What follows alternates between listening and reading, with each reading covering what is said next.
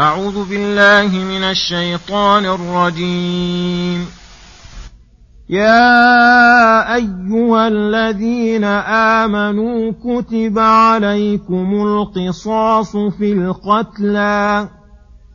الحر بالحر والعبد بالعبد والأنثى بالأنثى. فمن عفي له من أخيه شيء فاتباع بالمعروف وأداء إليه بإحسان. ذلك تخفيف من ربكم ورحمة. فمن اعتدى بعد ذلك فله عذاب أليم.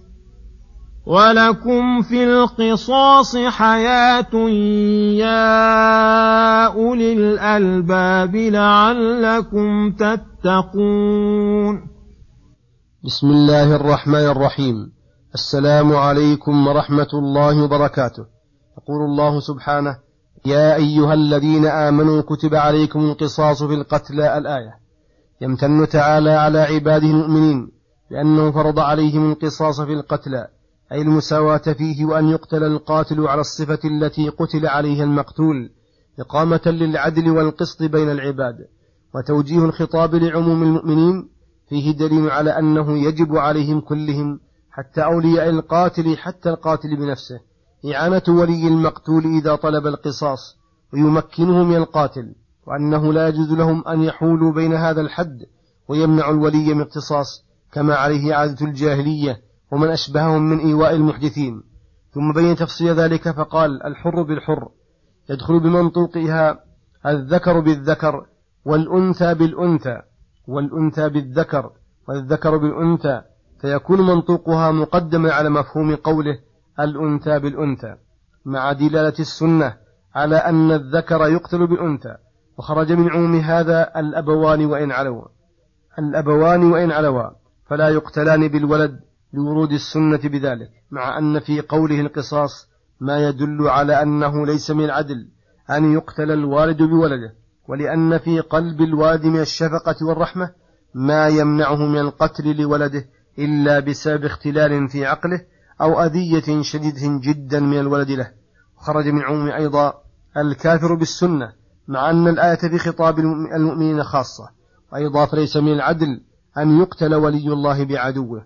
والعبد بالعبد ذكرا كان أو أنثى تساوت قيمتهما أو اختلفت ودل بمفهومها على أن الحر لا يقتل بالعبد لكونه غير مساو له والأنثى بالأنثى أخذ بمفهومها بعض أهل العلم فلم يجز قتل الرجل بالمرأة وتقدم وجه ذلك.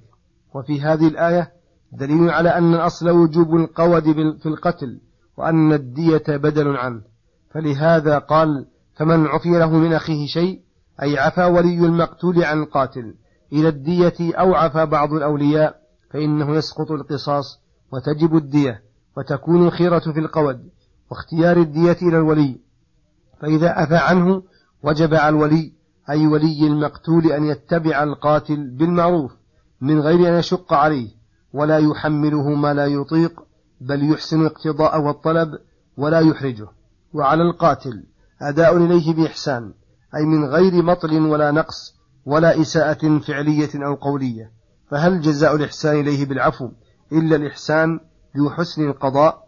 وهذا مأمور به في كل ما يثبت في ذمم الناس للإنسان. مأمور من له الحق بالاتباع بالمعروف ومن عليه الحق بالأداء بالإحسان. وفي قوله فمن عفي له من أخيه ترقيق وحث على العفو والدية وأحسن من ذلك العفو مجانا. وفي قوله أخيه دليل على أن القاتل لا يكفر لأن المراد بالأخوة هنا أخوة الإيمان فلم يخرج بالقتل منها.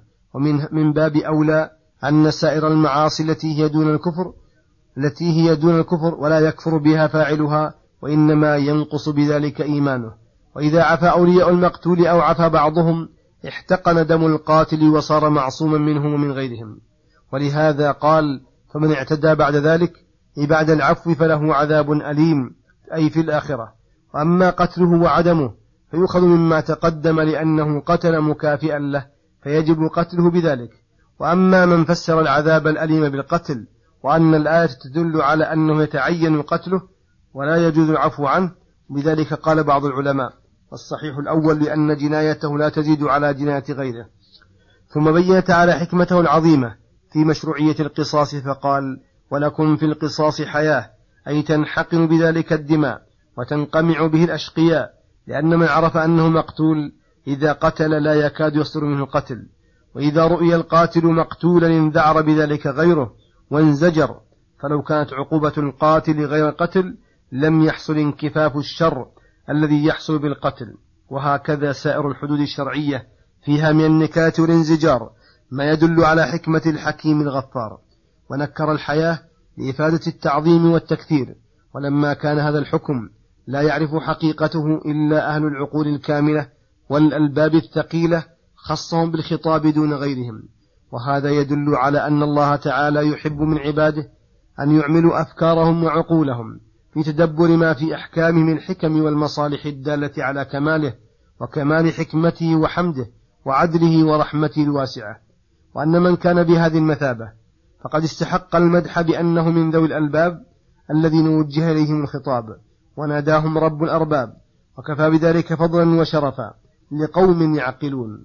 وقوله لعلكم تتقون وذلك أن من عرف ربه وعرف ما في دينه وشرعه من الأسرار العظيمة والحكم البديعة والآيات الرفيعة أوجب له ذلك أن ينقاد لأمر الله ويعظم معاصيه فيتركها ويعظم معاصيه فيتركها. فيستحق بذلك أن يكون من المتقين وصلى الله وسلم على نبينا محمد وعلى آله وصحبه أجمعين. إلى الحلقة القادمة غدا إن شاء الله. السلام عليكم ورحمة الله وبركاته.